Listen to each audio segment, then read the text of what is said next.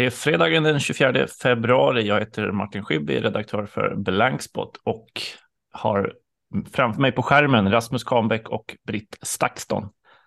Läget med er? Hej, hej. Hallå. Jo, men det, Det är, är bra. Jag är lite. Det är fredag och jag, Ja. jag, är- jag är fortfarande lite, lite överväldigad över boklanseringen i onsdag som vi hade i Blankspots lo- lokaler. Det var, Ja. det var väldigt kul att träffa, att det kom så många. Jag tror det var 45 personer som kom. Ja, det var ju knökfullt och eh, stolar fick plockas fram och eh, smarta människor med smarta frågor till dig och fantastisk eh, fin bok, snygg bok eh, och ja, högoktanigt innehåll verkligen. Helt rätt i tiden. Ja. Ja. men, eh, stort, stort grattis till det. Eh, mm. du, och du, jag såg också att du, eh, en bild du la upp där du konkade med en sån pirra, böcker och fotografier på väg runt om i, i landet i sann folkbildaranda om Ja. Nagorno-Karabach. Ja, vart, vart var du i veckan efter? Nej, men nu, nu, nu är jag i Skåne faktiskt och ska Ja, upp till Göteborg i, eh, för föreläsning imorgon lördag. Mm. Eh, eh, klockan ett i Göteborg. Eh, så den, den, eh, den kan man hitta, den föreläsningen kan man hitta på min Facebook-sida. Mm, Eh, Rasmus mm. Kahnbäck heter jag där. Mm. Eh, nej, men det är lite roligt. Det pirra, det är sån här stockholmskt ord har jag fått lära mig eh, och det heter säck, eh, säckkärra i övriga landet. Jaha, Jaha, vad roligt. sexkärra. Ja.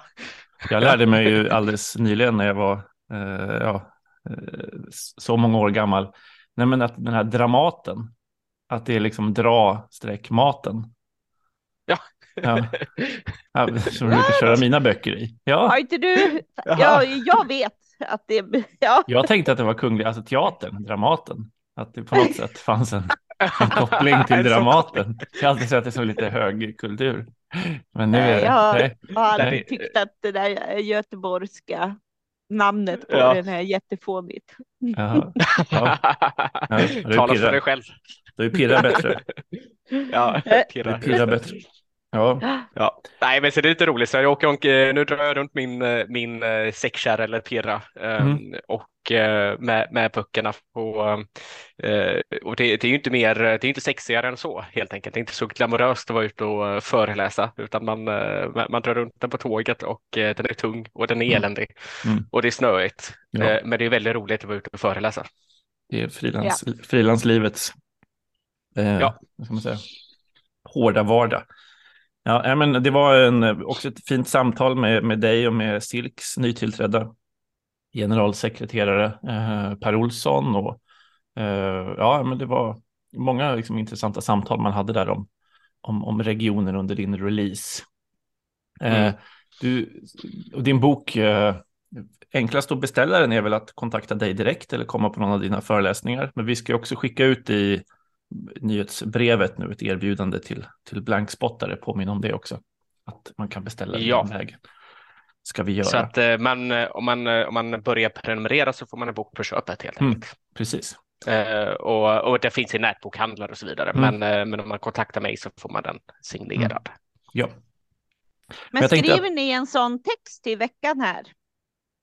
Ja. Om denna möjlighet? För att jag satt och letade efter det när jag skulle twittra ut under eh, lanseringen. Så Mm. hittade Mm. inte den. För det är kul att få ut den nu till nyhetsbrevet. Det löser vi. Yes.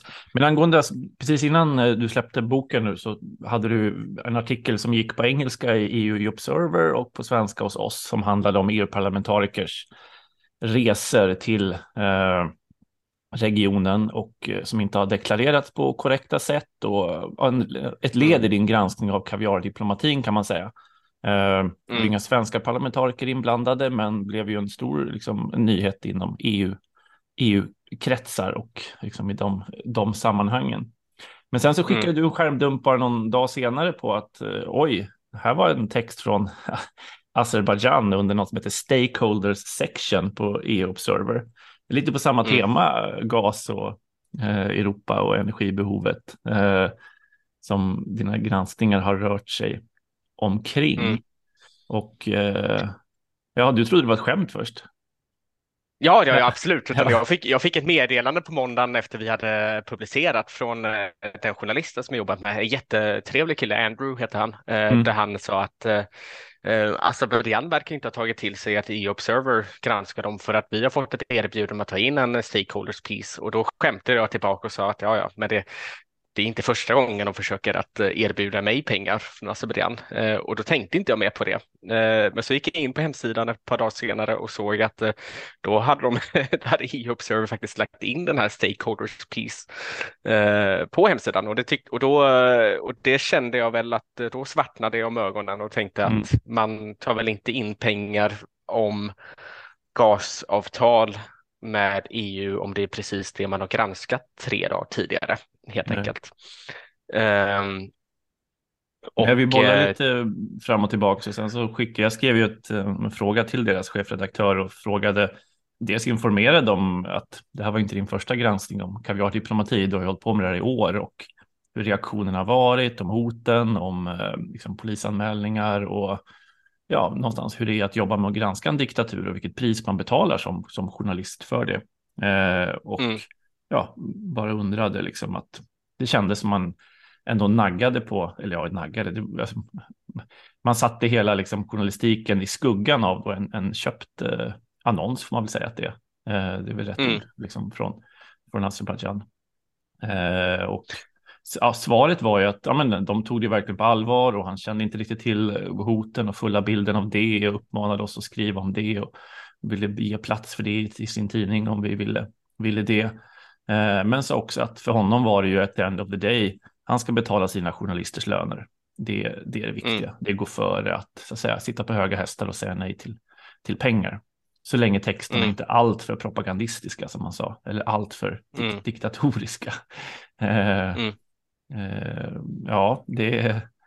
Eh, ja, det är ett sätt att resonera. Ja, jag menar, ja. det, jag, jag, vet det, det, det är ju, eh, jag tycker det är, mm, men det undergräver ju någonstans eh, journalistens integritet om det är så att man sitter och skriver om just de här sakerna och sedan tar man in en, en annons som normaliserar det beteendet som man håller på att granska. Mm, ja. alltså det, eh, det, så att jag, tro, jag tror inte att det påverkar journalistiken på något vis och så vidare. Jag tror att The Observer har en stark journalistisk integritet och jag tycker att eh, samarbete med dem har varit väldigt roligt och bra. Mm. Eh, men utan jag, jag, tänker, jag tänker mer på att det det sänder ju ut signalen till Azerbajdzjan att det är helt okej okay att fortsätta som man gör mm. Eh, när, man, eh, när, man, när man gräver i de här sakerna. Så att det, eh, jag, jag tyckte det var jättebra att du protesterade. Ja. Eh. vad, vad säger du Britt? Är det höga hästar eller är det liksom? Jag blir ju lite nyfiken på hur man egentligen ser på EU Observer. De vill ju, de presenterar sig ju som inflytelserik granskande, oberoende mm. eh, och en eh, nätbaserad non-profit use mm. outlet. Eh, mm, och så jag känner mig lite dåligt uppdaterad på hur de här stakeholders-sektionen ser ut. Det är väl alltså, eh. betalda, samma får betala för att få en text publicerad där helt enkelt. Och det utnyttjas som jag förstått av ja, men utländska ambassader och företag och andra att Ja, men det är reklam at the end of the day. Det är, man ja. köpt, köpt utrymme i en liksom, journalistisk produkt. Men är det, väldigt, mm. är det särskilt tydligt liksom? Ja, men det är det. Det, det, det måste jag ändå, det måste mm, ändå ja. säga att, det, att det, är, det, är svårt att klicka sig fram till den sektionen, men det finns liksom en eh, på, på den öppna sidan när man går in på själva hemsidan så, så ser man att det står stakeholders eh, pieces på en, en, en kolumn.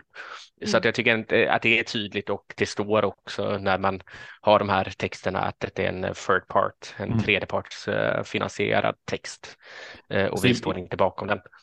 Vi hade väl det dilemmat för något år sedan så fick jag en, en debatttext från Etiopiens Abiy Ahmed eh, som man ville publicerad på, på svenska, alltså en, en op-ed liksom. Eh, mm. Och ja, men vi valde ändå att köra den för att ja, men det är ett perspektiv som, som Blankspots läsare kan, kan ta del av och, och, och så. Men hade de sagt att mm. vi vill betala dig för att få publicera det här, då hade man ju rakt av sagt, då hade man ju rakt av sagt nej. Eh, ja, transaktionen det, där det är ju transaktionen ju... som det är ju pengar från en, en stat som de facto då eh, liksom rankar oerhört lågt vad gäller mänskliga fri och rättigheter och synen på journalistik och pressfrihet till en, en journalistisk produkt. Det är ju, ja, eh, och om den transaktionen då också uttryckligen handlar om att kunna betala lönerna så, så är det ju, ja. Ja, ja, men det, det, ja. ja. men det blir ju intressant att tänka på om de skulle förstå eh, de här dimensionerna av eh, förföljelserna och kritiken som har kommit eh, riktat mot dig Rasmus till exempel och så. Hur, mm. hur de ser på att fortsätta ta in okommenterat så. För det är ju ändå så, det borde ju över tid finnas ett samband mellan eh, vilka aktörer som både har pengar och har det här drivet att konstant utnyttja det medieutrymmet som är möjligt att köpa sig då. Liksom. Mm. Både en okunskap om, om det, men också som du sa Rasmus, din okunskap också om hur kaviardiplomatin fungerar. Att det ja. är exakt det här eh, exakt. Eh, som, eh, ja. som, som, det skapar. Ja, det är pengar som någonstans öppnar för politiskt inflytande. Man blir ju ja, lite nyfiken. Det... det jag menade att se en mm. sammanställning. Okej, vad är det för stakeholder pieces som har synts där och man skulle vilja veta utav eh, eh, olika aktörer som läser ju, mm. EU Observer flitigt hur de mm. ser på den mm. sektionen. Ja. Är det motsvarande mm. liksom presskontaktsidan i något magasin liksom där du betalar för att synas med pressuppgifter? Att det är lika liksom så tydligt kopplat till aktören eller hur, hur ser man på det? Det mm. vore spännande ju. Mm. Nej, men vi, vi gjorde ju research när, när, när vi blev eh, approcherade av i Observer, jag och Sasha, den andra frilansjournalisten som jag jobbat med, eh, mm. tyska eh, frilansjournalisten. Han, jag ska säga, han, han är väldigt, väldigt, väldigt tydlig med eh, att han vill vara fullständigt oberoende och sådana saker. Ehm, så att han har en eh, mycket mindre pragmatisk inställning även om, än vad jag har eh, till, mm. till sånt här. Ehm, vilket på gott, som, som jag ändå uppskattar väldigt mycket. Ehm, för att rent pragmatiskt kan man ju också säga, okej, okay, men detta, detta kan vara sätt som, som han journalisten skrev till mig på e-observer, detta kan vara ett sätt för oss att fortsätta granskningarna av Azerbajdzjan och få det att man kan utnyttja att de har betalat pengar helt enkelt. Ja. Men då måste man vara tydlig med det från början. Eh, sen, sen granskade vi, eh, jag och Sasha, eh, e-observer ganska väl innan vi mm. gick in i samarbetet och var ganska tydliga med hur vi ser på saker och ting. Och jag skickade också över eh, Reporter utan gränsers texter till dem eh, mm. om, eh, om mig. Så att det var inte det att de, de kände ändå till själva den bilden upplever mm. jag det som i alla fall. Mm. Kring detta, utan till syvende och sist, eh, nu, nu sa han i och för sig i mejlet också, Alejandro, chefredaktören, att eh, om, i framtiden, om det är väldigt viktigt, så kommer inte vi ta in mm. fler ja, sådana här pieces från Azerbajdzjan, vilket var mm. bra. Ja. Eh, han erbjöd oss också, också att skriva en en debattartikel i, eh, i EU-Observer där vi faktiskt kritiserar EU-Observer eh, mm. om vi känner mm. för det.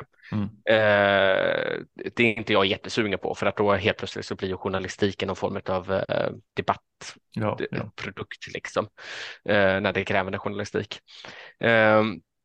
Eh, så vi får, väl, vi får väl fundera lite på hur vi eh, agerar i framtiden med EU-Observer, men jag tyckte ändå att de, de svarade seriöst och mm. att de tog till sig kritiken och att de förstod vad det här handlar om. Och, eh, och så får vi väl ta en dialog här efteråt helt enkelt. Mm. Yes.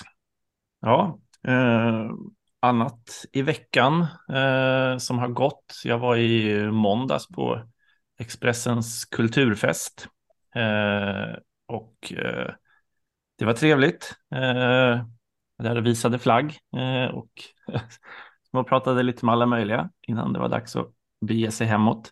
Eh, pris, de pristagare som väl det har pratats eh, mest om är väl att Alex och Sigge eh, vann liksom, det stora kulturexpressens kulturpris. Eh, och stämningen på galan då var ju lite om så här, men äntligen så är de välkomna in i fin, finrummet. Eh, att nu så eh, är, de, är de accepterade eh, och har tidigare varit som någon form av underdogs. Eh, den beskrivningen kan jag, reagerade jag väl lite på. Jag har, alltså, jag har lyssnat på Alexis i tio år, älskar dem, skulle inte liksom vilja leva utan de spaningarna i veckan.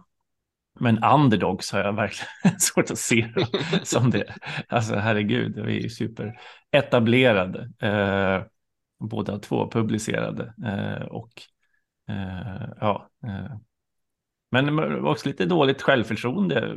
En del journalister som var, men för vilka otroliga lyssnarsiffror de har och var de når ut. Och det är så här kulturjournalistiken eh, borde, borde göras. Jag lyssnade på Lägg ut precis innan här och då var väl Karin Olsson och Magnus Alselin inne på att det hade varit lite njugg stämning, att folk inte hade applåderat åt dem och eh, att det hade liksom skruvat på sig när, när de vann och så här. Så upplevde jag liksom, absolut inte stämningen på plats, i alla fall inte runt bordet jag stod, utan bara ren, ja, ren glädje över det. Men ja, det var spännande. Var du din tanke om podd, poddarna som de nya kultursidorna och det har du ju liksom pratat om Nej, länge. Jag tycker det är helt sanslöst. det är helt sanslöst. Ja. Den om jag hade ja. varit där på plats, för jag lyssnade på Alex och Sigge i morse mm. och de gör ju lite, deras reflektion är ju på samma sätt att det inte var jubel och klang över att de hade fått den, utan att det är en svårflörtad publik. Men det tycker jag journalistbranschen är. Ja. Eh, och så. Sen eh, eh, vet jag inte hur det är på just den festen. Ehm, men ehm, det är ju inte konstigt. Men jag tycker mer att mm, ehm, motiveringen för bästa kulturjournalistik 2023 eh, löd alltså när denna duo växeldrar från var sin sida Atlanten går ingen säker. En dålig snigel kan rymma en hel värld och en låtlista gömma en själ. Varje vecka slår vi läger vid deras observatoriekulle och det vi hör är den nya tidens kultursida jag tycker det är lite smått chockerande att ge det till en 11 år gammal podd. Eh, men mm. hade jag varit där hade jag definitivt jublat för vad de faktiskt har betytt för mig. Absolut inte under hela decenniet, men i perioder. Mm. Eh, och, eh, och det förtjänar de ju verkligen. Men de har ju som du säger, de har ju en superposition, de är superetablerade, de tillhör ju eliten i kultursverige och jag, jag tycker bara det är så otroligt spännande. Och liksom poddar har ju premierats flera gånger förr och det är klart att det har funnits kulturjournalistik i det här formatet, precis som det har funnits i en mängd andra eh, format. Eh, men Svenska Dagbladet gör ju tydligen någon djupdykning i hela deras material mm. där de analyserat och så kommer det tydligen en jätteintervju med dem i, i i helgen. Eh, och de presenterade deras podd just ehm, eh, på för, i, idag har podden med 400 000 lyssningar i veckan och uppskattade årsintäkter på nästan 20 miljoner blivit en maktfaktor. En seismograf som både fångar sin samtid och bidrar till dess förändring. Ehm, eh, ja, Eh, det är ju de här 20 miljoner kronorna som folk ramlar av stolen för ju mm. också eh, i sammanhanget. Och det har ju bitvis i perioder varit det som har gjort att podden har blivit tristare, då det har varit så tydligt att frågor och perspektiv ah, att det har funnits ett sam... De har ju ändå byggt sitt medieimperium parallellt. Så att eh, fenomen som har hänt där har ju lyft upp utan att det har varit så jättetydligt för den som lyssnar alltid. Liksom. Att det har funnits liksom ett perspektiv på vad man lägger sin blick på som har kopplingen till den här kommersiella bakgrunden. Oftast har jag inte haft något problem med det, men det har också lett till att man ibland har blivit eh, lite smått irriterad och så. Sen eh, eh, tycker jag att båda två, de, har, de växeldrar ju, att ibland är det verkligen eh, Alex blick som har varit och, och, och fint och föräldrar, både följa deras föräldraskap eller vad det nu kan vara för samtida analyser. Men det som har gjort att den har blivit, och då tycker jag att det blir lite spännande att, det ska, att den ska liksom vara kulturjournalistikens finaste pris på något sätt, som alla pratar om att det är. Det har jag ingen relation till själv, men alla pratar om det som det. Att det som är lite besvärande nu, det är ju att de är väldigt etablerade, de börjar bli lite äldre och emellanåt så tycker jag nästan att det är liksom pinsamt att så många av spaningarna kommer genom deras yngsta barns ögon på något sätt. Och det, det är mer och mer helt enkelt. Så då känner jag att det är ju inte ens deras blick riktigt längre. Det är ett generationsbyte där lite grann mm, mm. Eh, och så. Ja, jag tycker det är väldigt, väldigt spännande. Men hade jag varit där hade jag tillhört dem som hade ändå jublat för att de förtjänar ju det. Mm. Absolut, men det är konstigt nu och det är inte mm. äh, ja, det, det vassaste inom kulturjournalistik på det sättet. Jag tycker det var spännande. En sak som är svårt att jubla också, att alla står ju med sådana här små champagneglas i händerna och det är oerhört svårt att applådera med champagneglas i, i handen. Alltså, alla ser så här extremt löjliga ut, de slår liksom med småfingrarna, vad heter de? Ja, lill, lillfingrarna ja. på varandra liksom. Det blir sådana, alltså det är sådana myggapplåder som, som, ja, jag vet inte om det bidrar till en, det upplevs som jag tror hade, hade folk ställt undan, jag ställde ändå undan mitt glas och applåderade. Och det gjorde också Gabriel Bysten som stod bredvid mig. Vi ställde undan våra glas och applåderade. Sen lyfte vi våra glas igen. Men ja, jag noterade att inte alla hade den tekniken. Ja, ja. rolig. Ja.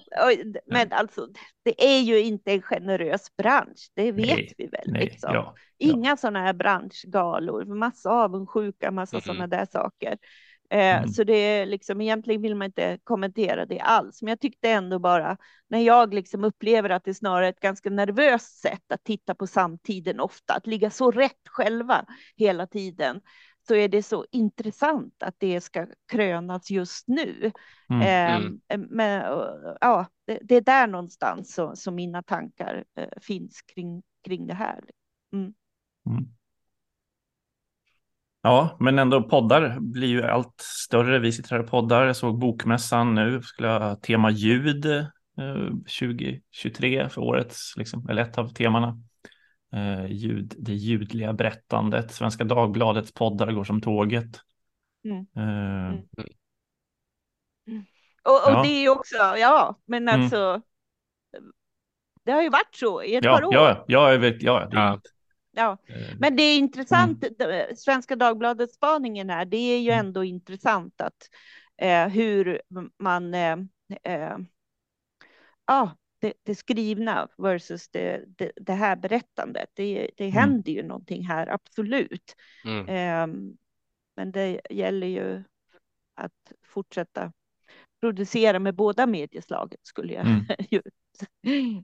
vilja säga. Så mm. är det ju. Ja. Mm. Och det, det, är väl någon sorts boom just nu av att eh, vi ser att det är fler och fler eh, podddokumentärer, att de inte är levande poddar som kommer vecka ut och vecka in, utan det bara mm. görs 23 eller 4 avsnitt och så vidare. Så att det, ehm, eh, jo, det, också det tycker jag ändå vi ser ja. väldigt mycket mer av. Jo, att det, det, blir också ett, eh, jag är inte först på den bollen, men att det är berättandet i centrum och kanske inte avslöjandet, eller som den här, ja, mm. jag har inte lyssnat på den ännu, men Bo Baldersson dokumentären om vem vem han var, vem som låg bakom pseudonymen som ju är avslöjat och klart sedan länge. Men man kan ändå mm. bygga mm. liksom en flera timmar lång spänningshöjande berättelse för att komma fram till vem, ja, vem det var. Och det blir ju mer teater än, än journalistik eh, någonstans, även om det är ja. njutningsfullt eh, så är det ju ja, ett, ett, ett väldigt regisserat sökande och det är, ja, det är det väl ofta, men det är ändå sällan man har den sådär, ja, att vi verkligen ska avslöja vem det är när det är en googling bort, så att säga. Eh, men man mm. väljer ändå berättande ambitionen före den korta nyhetsartikeln. Ja. Den, ja, men en del allting, av det här. Ja, det blir ju längre och längre och det har väl också att göra med att det går att trycka in fler annonser, eller annonsörer. Det är klart, har du ett sex mm. timmars eller åtta timmars det är inte så här korta ner, skriv kort, helst inte alls. Det är ju tvärtom så här, kan du göra det här sex timmar längre? Kan, du, eh, kan den här berättelsen hålla för åtta avsnitt? Eh, att man kavlar ut med den. Det, ja, det kommer göra någonting med, eh, med om, om, om man ser det som, som, som ja, journalistik på något sätt. Jag kan ju tycka att allting blir, ja, är på väg att bli alldeles, alldeles för långt i många mm. av de här avsnitten. Ja. Men också att man ser att eh, det är mycket, eh, det är ju många samma stories som dyker upp, liksom när Spotify kör sin um, um, nya krimserier eller så, så plockar ju de upp saker som har gjorts redan tidigare i poddformat av Aftonbladet eller så mm, för ett mm. par år sedan och så där. Eller att den här, eh, vad heter sockertestandets klinik där, Vipeholm eller vad mm. heter den? Ja, ja Som väl kommer som film nu, som ja. ju mm. finns i x antal poddsammanhang. Men mm. Eh, och den allra bästa är väl den som Sveriges Radio gjorde en gång i tiden vad gäller just det. Mm. Den dokumentären och så. Det, det händer något däremellan. Det kommer nog bli en liten Netflix-effekt av den här superproduktionen av, av eh, poddandet. Att det finns. Det är en super, super boom just nu och sen mm. kommer väl det bästa finnas kvar på något sätt. Mm. Mm. Ja, Ja, men det och det måste man väl ändå, man ändå. Alltså, jag tycker det tramsiga är att Alex och Sigge skulle premieras för den nya tidens kulturjournalistik när det har pågått under så lång tid och det måste man ändå se eh, ge att det är ju. Det är ju fantastiskt liksom och även som du när vi inledde och prata om det här alltså den kontinuiteten i, i mm. sig är ju mm. fantastisk. Det finns ingen mm. som kan vara konstant bra från början i slut till det heller. Men eh, det är klart att medieprodukter förändras, man förändras själv eh, och, och eh, ja, det, det är också ett medium där många och definitivt de ju tar med hela sitt liv också mm. i analyserna och så. Det är klart att det förändras över tid och att eh, jag då har noterat det här att det blir väldigt mycket genom eh, deras barns ögon allt mer. Mm. Mm. mm. Intressant i sig. Ja, ja. Nej, men, och det är ju inte de, jag tänker, eh, det är ju något som du brukar reagera på i paneler och annat när folk ska prata om nätet eller vad det är och så börjar de med att ja, men min eh, son, dotter har TikTok och hon fick så här många följare med det här inlägget att mångas omvärldsbevakning består av barnen ja. som ska liksom vara eh, professionella och att det, ja, det, det, det blir ju kortslutning liksom om eh, ja, en sak är väl i ett liksom berättande mm. poddsammanhang, men det är mer i ett föreläsande sammanhang när människor som har sina barn som exempel på medievanor och annat blir ju ändå en, varning, en varningssignal. Mm. Man har inte, ens research består inte av så mycket mer än samtal kring frukostbordet. Exakt. Ja, ja. och då det, är det, det är som det här Nej, men det, men det, det, är som det här skämtet, att, eh, eller skämtet, det vet jag inte, men, men, men när, när en utrikeskorrespondent åker till Peking och sedan eh, reflekterar över taxichaufförer. Ja, ja, såklart, det är samma. Ja. Precis, det är samma. taxichaufförer för utrikeskorrar är barnen för kulturjournalister. ja. ja, precis. Ja. Det borde vara förbjudet. Ja, ja. ja just det. Ja, det är en bra liknelse. En mm. väldigt bra liknelse. Ja. Men sen en annan sån där eh, eh, som ju ändå har hänt under den gångna veckan. Det är ju Ekots lördagsintervju med Jean Frick mm. av Joa Bendjoul eh, som eh, jag. Eh, ja, men alltså det här eh, att lyssna på en intervju av en väldigt duktig journalist som är van att intervjua makthavare, men det här misstaget i att tro att man kan tillämpa den. För att jag upplevde ju att han flämtade sig igenom intervjun som om han var nervös eller väldigt ivrig på att eh, komma i mål med sina frågor. Men det går ju inte. Alltså, Jean Frick är en trickster och han är en Eh, skamlös. Eh, han, han känner inte skam, så han kan ju trixa med fakta hit och dit om vad som var och smetar sig mot diskussionen om eh, De Geers flagga för att liksom ställa sig bredvid på ett sätt eller dra in Johan Persson i aparta resonemang för att ställa sig bredvid. Det går inte och det är så intressant att eh, eh, lyssna på det när det mötet blir mellan liksom en, en traditionell intervjuteknik i relation till någon som lirar på en helt annan plan halva. Och det där är ju samma fenomen som vi har sett i hur Donald Trump har hanterat journalister till exempel eh, och så. Eh, och, ja, Ja, det finns Sen en oklarhet också. Är det en Mm. aktivist som intervjuas, är det en journalist som intervjuas eller är det en politiker som intervjuas? Och att man hela tiden Ja. kan hoppa mellan de där rollerna och ibland backa hem i en journalistroll och ibland gå fram i en aktivistroll och ibland vara en politisk tyckare. Det är också det som bidrar till, till eh, förvirringen i den intervjun. Eh, och sen att, Mm. ja, visst, faktan har ju Joar, men att han, när det blir de här slugger, sluggerholmgångarna, så ja, nej, då, det, då funkar det inte. Fakta biter inte då. Mm. Och han vill inte kliva in i den där nej, eh, aktivistiska debatterandet. Liksom. det Nej, är inte nej. hans eh, roll nej. här och det är han som är intervjuare. Och så. Mm, mm. Ja. Mm. Ja, nej, men det var väl eh, full pott för eh, Jean Fricks eh, eh, positionering i det offentliga samtalet helt enkelt. Mm. Mm. Det är också något med, vi har varit inne på det tidigare, men den här oron som finns över allas filterbubblor och folk sitter och har sitt. Och plötsligt ser vi en tid där alla pratar om exakt samma saker i alla poddar och alla ämnen. och då är det ju så skönt. Inklusive oss med, själva. inklusive oss själva nu, ja. Ja. Ja, Förutom i början. ja förutom i början. Men att, eh, Ja, men, och och, och den balansgången måste vi ju ha. Ja, men det är väl också en, en slutsats av Blankspot efter åtta år. Att ja, man kan hålla på med bortglömda grejer som ingen har hört talas om eh, till en viss gräns. Men du måste Mm. någonstans också vara med i liksom, det samtal som pågår och ge liksom, en Blankspot infallsvinkel på det för att, för att vara Mm. relevant. Affärsidén att bara ha liksom, en sajt som pratar om driver om saker som ingen bryr sig om och ingen har någon relation till. är, är ju, alltså det Det tufft. ägnar vi Det är 90 tufft procent som det av vår är. tid åt, vill Ja. jag ändå säga. Ja, eller ja, precis. Det är det vi gör liksom. Ja, vad händer? i- Men nu är jag redan ångest. Nu vill jag mest säga vi klipper bort allt som handlar om kulturfesten och Jean Frick.